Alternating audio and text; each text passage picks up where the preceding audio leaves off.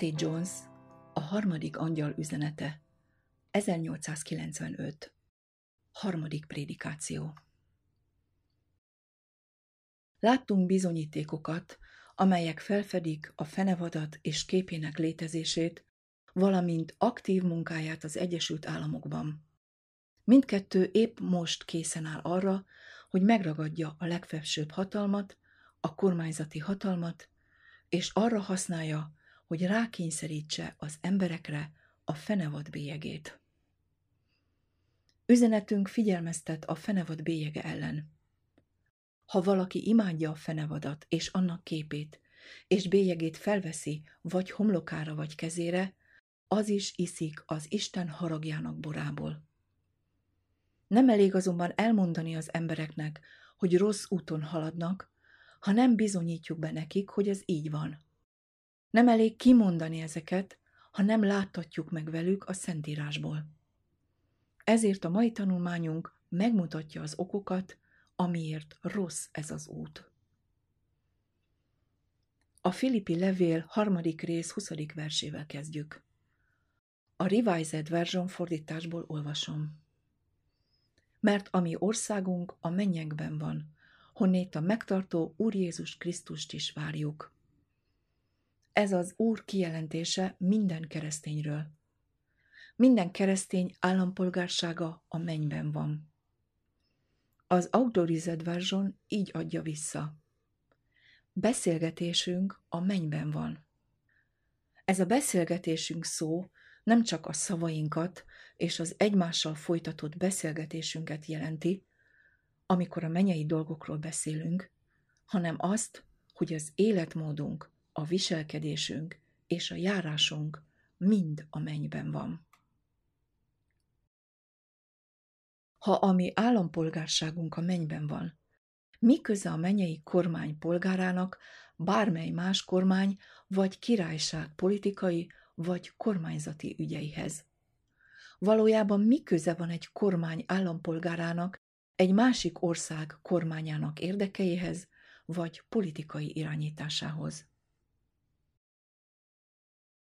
Azok az emberek, akikről az előző tanulmányainkban olvastam, a mennyország polgárainak vallják magukat, és azt állítják magukról, hogy ők azok, akiknek állampolgársága a Szentírás szerint a mennyben van, de folyamatosan beleavatkoznak e földi kormányzatok politikai dolgaiba.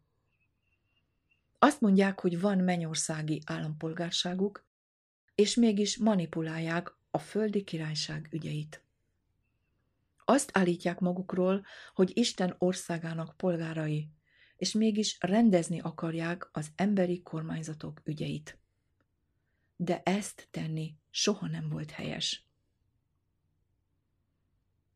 Ha Nagy-Británia egyik állampolgára eljönne az Egyesült Államokba, megtartva brit állampolgárságát, és megkísérelne részt venni az Egyesült Államok politikai ügyeiben, akkor tettét nem fogadná el az Egyesült Államok egyik állampolgársága sem.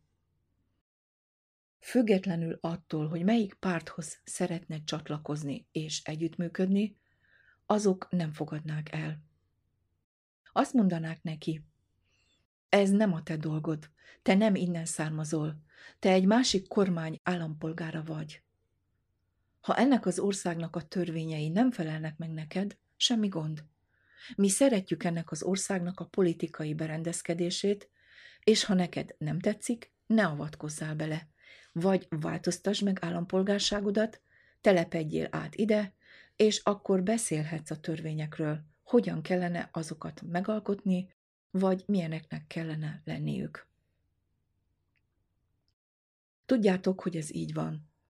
Tudjátok, hogy így bánnak egy másik ország állampolgárával, ha az adott ország politikai érdekeit próbálná manipulálni, kontrollálni, vagy azokban részt venni. Ez nem tagadja meg tőle a jogot, hogy itt éljen. Megteheti. De megtagadják tőle azt a jogot, hogy köze legyen ennek az országnak az állampolgárságához, vagy ennek az országnak a politikai problémáihoz. Mivel a keresztény állampolgársága a mennyben van, éppen az állampolgárság elve önmagában megtiltja neki azt, hogy részt vegyen egy másik kormány politikai érdekeiben. Legyen az akár az Egyesült Államok kormánya. És így is van. Ez benne van a dolgok természetében. Ilyen az állampolgárság elve. Tehát Krisztus követei vagyunk.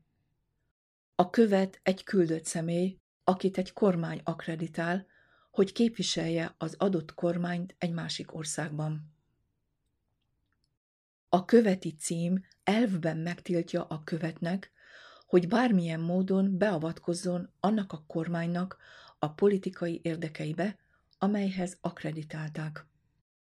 Ha az Egyesült Államok brit nagykövete, aki ma Washingtonban tartózkodik, vagy Franciaország, vagy akármelyik más ország nagykövete, kifejtené véleményét az ország politikai ügyeiről, vagy részt venne azokban, a felettese rögtön értesítené, és kérné, hogy azonnal távolítsák el az adott ország követi pozíciójából. Ha jól tudom, ilyesmi legalább kétszer fordult elő.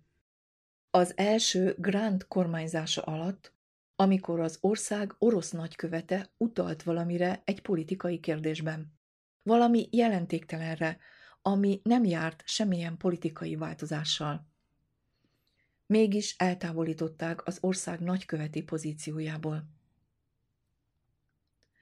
Emlékeztek, hogy Cleveland és Harrison közötti választási kampány során Sackville West, az Egyesült Államok brit nagykövete levelet kapott Marchön úrtól Kaliforniából, amelyben azt állította, hát, hogy igaz-e vagy sem, nem tudom, hogy ő Nagy-Britannia alávetetje.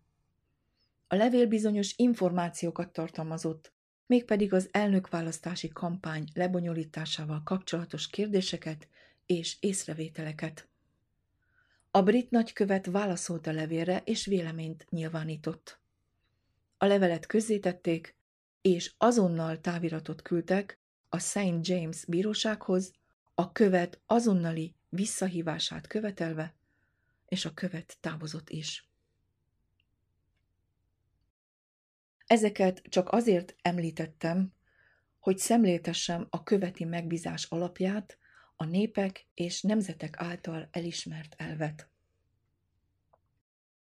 Mi Krisztus követei vagyunk. Ezek az egyházi vezetők, akik a fenevadat és annak képét építik, Krisztus követeinek vallják magukat.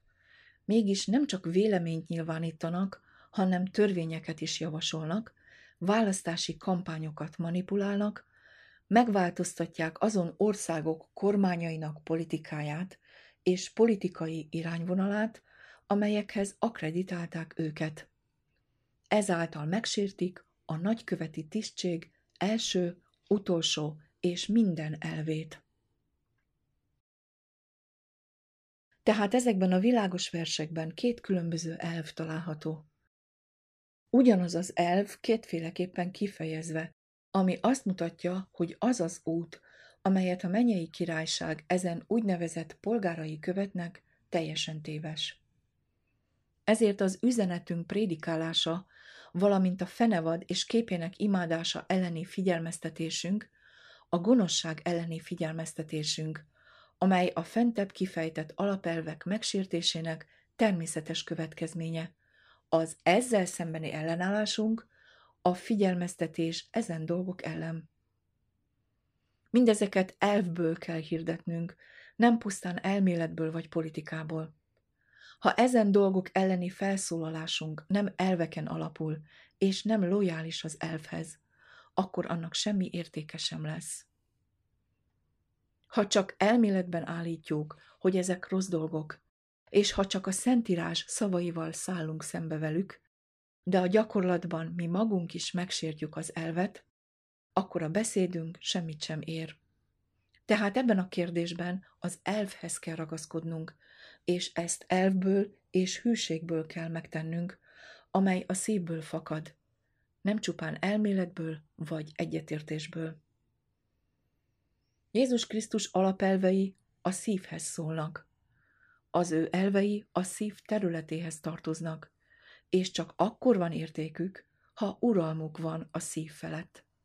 Ha nincs uralmuk annak szíve felett, aki megvallja ezeket az elveket, akkor cselekedeteivel megszegi az elveket, még akkor is, ha hetednapi adventista. A mi állampolgárságunk a mennyben van. Az összes ember közül a mi állampolgárságunk a mennyekben van, ahonnét a megtartó Úr Jézus Krisztust is várjuk. Jézus így válaszolt, az én országom nem e világból való. Ha e világból való volna az én országom, az én szolgáim vitézkednének, hogy át ne adassam a zsidóknak. Ám de az én országom nem innen való. Ha az ő királysága ebből a világból lett volna, akkor miféle királyságért harcoltak volna szolgái? E világ királyságáért. Az az ember, aki a világ valamelyik királyságáért harcol, aki a szupremáciát és a hatalmat e világ királyságában keresi, az megtagadja kapcsolatát Jézus Krisztus országával, mert az ő országa nem ebből a világból való. Pontosan ezt teszik azok, akik vezetik azt a mozgalmat, amelyről az előző két tanulmányban olvastam. Igyekeznek uralkodni e világ királyságain, irányítani akarják e világ kormányait, harcolni és háborúzni e világ kormányai érdekeiért. Azon dolgoznak, hogy pozíciókat foglaljanak el a kormányokban, és kapcsolatot tartsanak fenn velük, és ezáltal hangosan kijelentik, hogy ehhez a világhoz tartoznak, és nem Krisztus országához. Egy másik ehhez kapcsolódó szöveg Lukács evangéliuma 22. rész 24-től 26-ig terjedő versekben található. Támada pedig köztük versengés is, hogy kitekinthető köztük nagyobbnak, abban a királyságban, amelyet vártak, hogy Jézus megalapítja, és amelyről azt hitték, hogy e világ királysága lesz, amelyben ők majd előkelő helyet foglalnak el. Vita támad közöttük, hogy melyikük fogja a legmagasabb helyet elfoglalni az eljövendő királyságban. Természetesen tévesen gondolkodtak erről a királyságról, de a lecke, amelyet ő tanított nekik, minden ehhez hasonló esetben érvényes. Ő pedig mondta nekik, a pogányokon uralkodnak az ő királyaik, és akiknek azokon hatalmuk van, jótevőknek hivatnak. Jótevők, a jó cselekvői, a jó ügynökei. Pontosan ezt állítják önmagukról ezek az egyházi vezetők, hogy ők a jó ügynökei az országért, az emberekért, akik a városok, az államok, a nemzetek megmentéséért munkálkodnak. Ilyen módon akarják, hogy jótevőknek nevezzék őket. De ti ne legyetek ilyenek. Hogy érti azt, hogy ilyenek? Ezek uralkodnak és hatalmaskodnak. De ti ne legyetek ilyenek. Hol? Ne uralkodjatok, és ne hatalmaskodjatok egymáson az egyházban, azon a helyen, amelyik a tiétek. Akkor hogyan uralkodnátok, és hatalmaskodnátok az embereken egy olyan helyen, amely egyáltalán nem a tiétek? Egy másik bibliavers, amely kapcsolódik az előbb olvasottakhoz. Az én országom nem e világból való. Hálákat adván az atyának, ki alkalmasakká tett minket a szentek örökségében való részvételre a világosságban, aki megszabadított minket a sötétség hatalmából, és által vitt az ő szerelmes fiának országába. Kolossé 1, 12-13 Amit itt szeretnénk hangsúlyozni, az a világosság és a sötétség közötti kontraszt aki megszabadított minket a sötétség hatalmából. Nem csak attól a hatalomtól szabadított minket meg, amelyet a sötétség gyakorol ránk, hanem megszabadított a sötétség uralmától, a vezetése alól, a sötétség kormányzatától, kihozott minket a sötétség hatalmának fennhatósága alól, és által vitt az ő szerelmes fiának országába. Legyetek erősek az Úrban és az ő hatalmas erejében. Öltözétek föl az Isten minden fegyverét, hogy megállhassatok az ördögnek minden ravasságával szemben. Mert nem vér és test ellen van nekünk tusakodásunk, hanem a fejedelemségek ellen, a hatalmasságok ellen, ez élet sötétségének világbírói ellen. Efézus 6, 10-12 Itt fejedelemségekről van szó, hatalmasságokról és a sötétség világbíróiról, akik vezetik ezt a világot. Nekünk harcolnunk kell velük, és csak azok harcolhatnak sikeresen, akik meglettek szabadítva e sötétség hatalmától, és az ő szeretett fiának állampolgárai lettek. Azzal, amit mondtam, nem azt akarom kijelenteni, hogy a királyok és a világ kormányainak politikai vezetői a sötétségnek világbírói lennének, akikre a szöveg hivatkozik. A szöveget nem ezzel a célral idéztem. Mindannyian tudjuk, hogy a sötétségnek világbírói, akikre hivatkozik, a sötétség szellemi erői. De a szöveg azt állítja, hogy ezek a szellemi hatalmak e világ sötétségének uralkodói.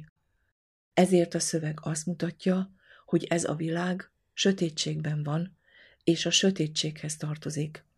Ezért a monarchiák és kormányok, amelyek ehhez a világhoz tartoznak, sötétségben vannak, és a sötétséghez tartoznak. Ezzel a céllal idéztem ezt a Biblia verset. Olvassuk el Efézus 5. rész 8. versét. Mert egykor sötétség voltatok. Mikor? Amikor alávetve voltunk e világ sötétségének világbíróinak, amikor bűnben voltunk. Mert egykor sötétség voltatok, most pedig világosság az Úrban, tehát járjatok úgy, mint világosság gyermekei. A kormányok, a nemzetek, a politikai szervezetek e világból valók, csak ehhez a világhoz tartoznak, és a világ a sötétség irányítása alatt áll. Sötétség borítja a földet, és sűrű sötétség a népeket.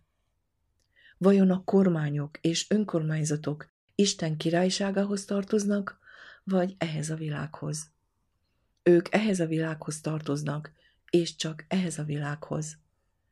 És ez a sötétség. De aki megszabadulva egy sötétség hatalmától, kiemeltetik a sötétségből, és átmegy Isten szeretett fiának országába, az egy másik világból való, egy másik világhoz tartozik. Ő egy másik világhoz van kötve, amely a mennyei világ. A főváros, amelyhez tartozik, a mennyei város. Ott van az állampolgársága, a világosság irányítása alatt és a világosság világában. De mi köze van a világosság országának a sötétség országához? Mi közük a világosság világához tartozóknak, mint ahogy a nemzeti reformerek is vallják magukat, a sötétség birodalmához? Mi közük lehet a sötétség problémáihoz, a fejedelemségekhez és a hatalmasságokhoz, amelyek ehhez a sötétségnek világához tartoznak. Mi köze van a világosságnak a sötétséghez? A kérdés erre a helyzetre vonatkozik, és itt ugyanez a gondolat fogalmazódik meg az általunk tanulmányozott szöveggel kapcsolatban. Most olvassuk el az egész szöveget mert egykor sötétség voltatok, most pedig világosság az Úrban, tehát járjatok úgy, mint a világosság gyermekei, mert a világosság gyümölcse minden jóságban, igazságban és valóságban van. Vizsgáljátok meg, hogy mi kedves az Úrnak, és ne legyen részetek a sötétség gyümölcstelen cselekedeteiben, hanem inkább ítéljétek el azokat angol fordítás. A világnak mennyi része fog tartozni a fenevad és képmása irányítása alá? Az egész világ. Mi az üzenetünk? Ha valaki imádja a fenevadat és annak képét. Ez a mi üzenetünk a világnak. A világ mekkora részének hirdettetik ez az üzenet? És a világnak mekkora részére érvényes? Az egész világnak. Mi tehát a kapcsolat ezen üzenet és a Biblia kijelentése között? Ne legyen részetek a sötétség gyümölcstelen cselekedeteiben, hanem inkább ítéljétek el azokat. Ez az üzenet ítélő üzenet lesz bárki számára, aki részt vesz a fenevad és annak képének cselekedeteiben? Igen, az lesz. Igen, a fenevad és képének tevékenysége egy olyan munka, amely megsérti Isten országa vagy bármely más királyság állampolgárságának elvét. Megsérti Jézus Krisztus követének vagy bármely más követnek az elvét. Megsérti azt az elvet, amelyet Jézus Krisztus a tanítványai között fektetett le a pozícióval, a tekintéllyel kapcsolatban. Sérti az ő elvét, amely elválasztja Isten kormányát e föld kormányaitól, és a világosságot a sötétségtől.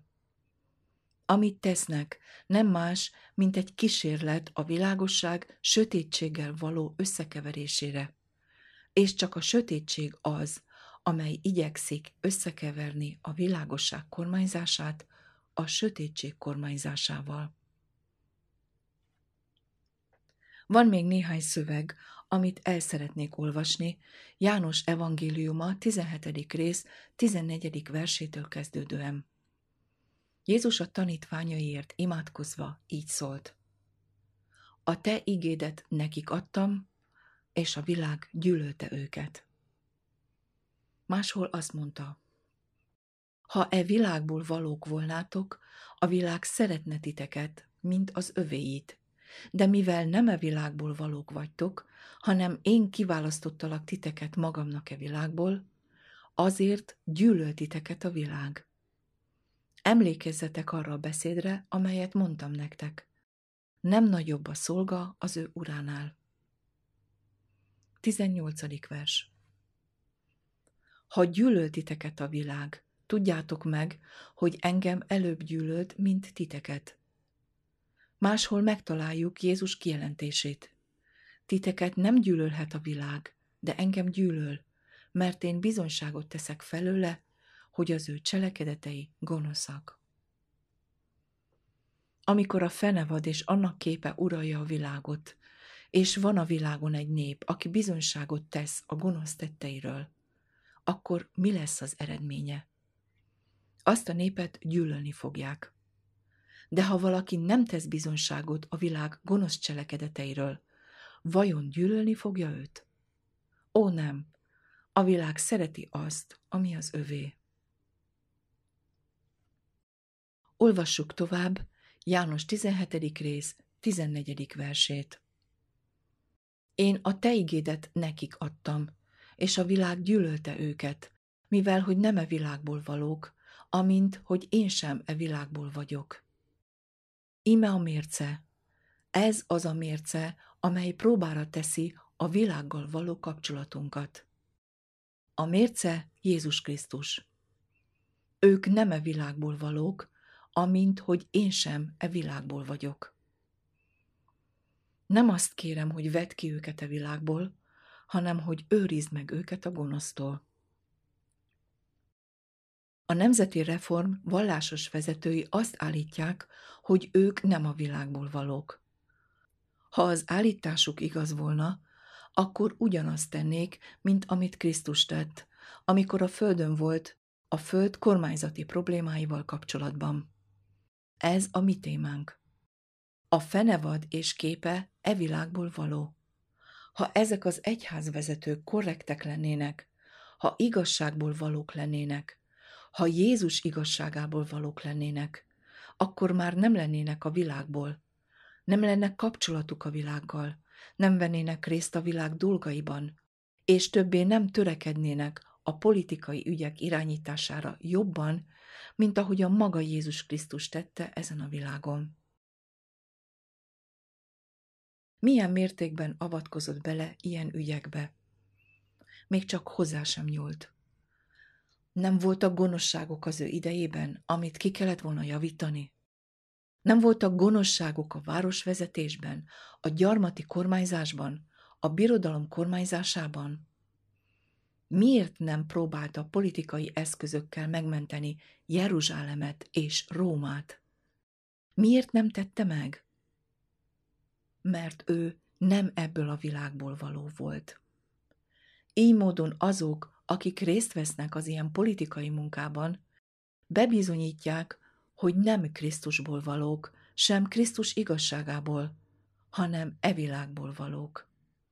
És mivel e világból valók, de mégis kereszténynek vallják magukat, ezért e világ formájára és jellegére akarják alakítani a kereszténységet. Ez pedig az Antikrisztus. A következő bibliaversekben egy világos kijelentést fogunk olvasni ezzel a témával kapcsolatban. Lukás 12. rész 13-tól 21-ig terjedő szakasz. Monda pedig neki egy a sokaság közül. Mester, mondd meg az én testvéremnek, hogy ossza meg velem az örökséget. Ennek az embernek a szülei meghaltak, és örökséget hagytak hátra. Úgy tűnik, a testvére nem volt igazságos ezzel az emberrel. Ezért ő arra kérte Jézust, hogy járjon közbe testvérénél, és vegye rá, hogy legyen igazságos az örökséggel kapcsolatban. Elvben arra kérte Jézust, hogy helyezze magát bírói pozícióba e világ ügyeiben, és foglalkozzon e világ kormányainak ügyeivel. Legyen bíró ebben az ügyben, és döntse el, mi helyes és igazságos.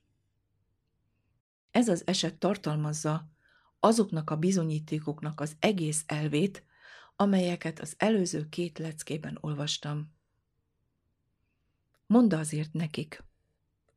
Meglássátok, hogy eltávoztassátok a telhetetlenséget, mert nem a vagyonnal való bővölködésben van az embernek az ő élete és mondta nekik egy példázatot szólván. Egy gazdag embernek bőségesen termett a földje. Azért magában okoskodik, mondván. Mit cselekedjem? Mert nincs hová takarnom az én termésemet. És monda, ezt cselekszem. Az én csűreimet lerontom, és nagyobbakat építek, és azokba takarom minden gabonámat és az én javaimat. És ezt mondom az én lelkemnek. Én lelkem, sok javaid vannak sok esztendőre eltéve. Tedd magad kényelembe, egyél, igyál, gyönyörködjél. Monda pedig neki az Isten. Bolond, ez éjjel elkérik a te lelkedet te tőled, amiket pedig készítettél, kiéi lesznek. Így van dolga annak, aki kincset takar magának, és nem az Istenben gazdag. Beszéljünk a követ másik szerepéről. A követeket valójában egyik kormány vagy ország küldi a másik országba. Mint már említettem, nem azért küldik oda, hogy manipuláljon, vagy beavatkozzon az adott ország kormányának vagy népének belügyeibe. Azért küldik, hogy a saját kormánya érdekeit képviselje abban az országban. Ezért van ott. Vannak Nagy-Britániának az Egyesült Államokban élő alatvalói, és vannak ebben az országban érdekek, amelyek érintik Nagy-Britániát az itt élő alatvalóival kapcsolatban. Ezért a britek ide küldik követüket, az országuk képviselőjét, hogy vigyázzon Nagy-Británia érdekeire és alatvalóira. A követnek csak erre kell fordítania a figyelmét, és ezzel kell töltenie idejét, saját országa ügyeivel, amelyek megjelennek abban az országban, amelyben tartózkodik. ugyanígy Jézus is Isten követeként küldetett erre a világra. Júdea földjére küldetett, Róma kormányzása, uralma és joghatósága alatt. Ez az ember arra kérte Jézust, hogy foglalkozzon a másik országhoz tartozó ügyekkel, és vállalja a felettük való ítélkezés jogát. De ahelyett, hogy engedett volna a kérésnek, Jézus csak a saját országa ügyeivel foglalkozott. Arra kérték, hogy bíróként és végrehajtóként járjon el olyan ügyekben, amelyek teljes egészében ahhoz a kormányhoz tartoznak, amelynek területén ő is tartózkodott, és az ember is, aki hozzáfordult. De Jézus nem azért volt ott, hogy ezekkel a dolgokkal foglalkozzon. Ott volt azért, hogy Isten országa érdekeit, az őt küldő kormány érdekeit képviselje. És ahelyett, hogy átlépte volna a határvonalat, és beavatkozott volna olyan ügyekbe, amelyek valójában ennek a világnak a joghatósága alá tartoztak, ő abban a minőségben maradt, amelyben jött. Hűséges volt ahhoz a királysághoz, amelyhez tartozott, és a királyhoz, akit képviselt, és így szigorúan ragaszkodott Isten királysága kormányának érdekeihez. Istennek vannak emberei ezen a világon. Neki vannak érdekei ebben a világban. Embereinek vannak érdekei ebben a világban. Valódi érdekek. Ezért van az, hogy Istennek jogosan vannak követei ezen a világon. De nekik Isten országának és Isten népének érdekeivel kell foglalkozniuk, olyan érdekekkel, amelyek az evilági dolgok folyamatában merülnek fel, de nem szabad evilág birodalmainak érdekeivel foglalkozniuk. Jézus Krisztusnak követe, aki átlépi a határt, és beleavatkozik evilág dolgaiba, feladja saját kormányát, megszakítja kapcsolatát saját királyával, és illegitim módon és illegálisan behatol a másik kormány területére. Ezért ennyire rosszak ezek a dolgok. Ezek az okok vezettek elsősorban a fenevad megjelenéséhez. Másodszorban ezeknek az elveknek a megsértése miatt jelenik meg a fenevad képe. Most szeretnék egy kérdést feltenni. Ha csak ezeket a szövegeket és a bennük létező elveket vesszük figyelembe, nem igazítom őket a témához, hanem elkerülhetetlenül részeként hozzá tartoznak. Tehát csak ezeket a szövegeket figyelembe véve, és ha hűségesen megőrizték volna ezeket az egyházi elveket, mint ahogy Jézus Krisztus tette ezen a világon, létezett volna vagy létezhetett volna valaha pápaság? Létezhetett volna valaha olyan, hogy fenevad képe? Nem, egyáltalán nem. Ezen az alapon tehát, ahogy akkoriban ezeknek az elveknek a megsértése óhatatlanul a fenevad kialakulását eredményezte, most ugyanezen elvek megsértése csak a fenevad képének megjelenéséhez vezethet. A pápaság nem azért jelent meg, mert a római birodalom névleges keresztény emberei rosszabbak lettek volna a többi névleges kereszténynél. Nem ez volt az oka, hanem a világon valaha létező legjobb elveknek a megsértése okozta a világon valaha létező legrosszabb dolognak megjelenését. És amikor Isten e reformáció munkája által ismét felszólította a világot a kereszténység alapelveinek betartására, és világossá tette még egyszer a kereszténység elveit kontrasztban a fenevad elveivel, ez a protestantizmus megszületéséhez vezetett. És amikor a névleges protestánsok ismét megsértik ezeket az elveket, ez ugyanoda vezet, a fenevad tökéletes képéhez, aki akkor jelent meg, amikor első alkalommal megsértették ezeket az elveket. Kétszer is bebizonyosodott a világ előtt, hogy ezen Biblia versekben bemutatott elvek megsértése nem tesz mást, mint hogy átkot hoz a világra a pápai fenevad lelkülete által. Akkor mit kell leginkább elkerülniük mindazoknak, akik Krisztus nevét viselik? Ezen elvek megsértését. És hogy visszatérjünk a hetednapi adventistákhoz. Nem kell mást tennünk, mint hogy végérvényesen ragaszkodjuk ezekhez az elvekhez, és támogassuk őket, mert ha még a hetednapi adventisták is megsértik őket, akkor a pápaság ugyanazon cselekedeteihez jutnak, ugyanúgy, mint a protestánsok vagy a katolikusok. Tehát ismétlem, nem azt tette annyira gonoszszá a pápaságot, hogy a római birodalom névleges keresztény emberei rosszabbak voltak, mint a többi ember a földön. Nem azért alakul ki a fenevad képe, amely végrehajtja kegyetlen cselekedeteit, mert a protestáns egyház vezetői ebben az országban rosszabbak lennének, mint mások, hanem azért, mert ezek az emberek megsértették azokat az elveket, amelyek a világ javára adattak, és ezek megsértése nem hozhat mást, mint átkot erre a világra.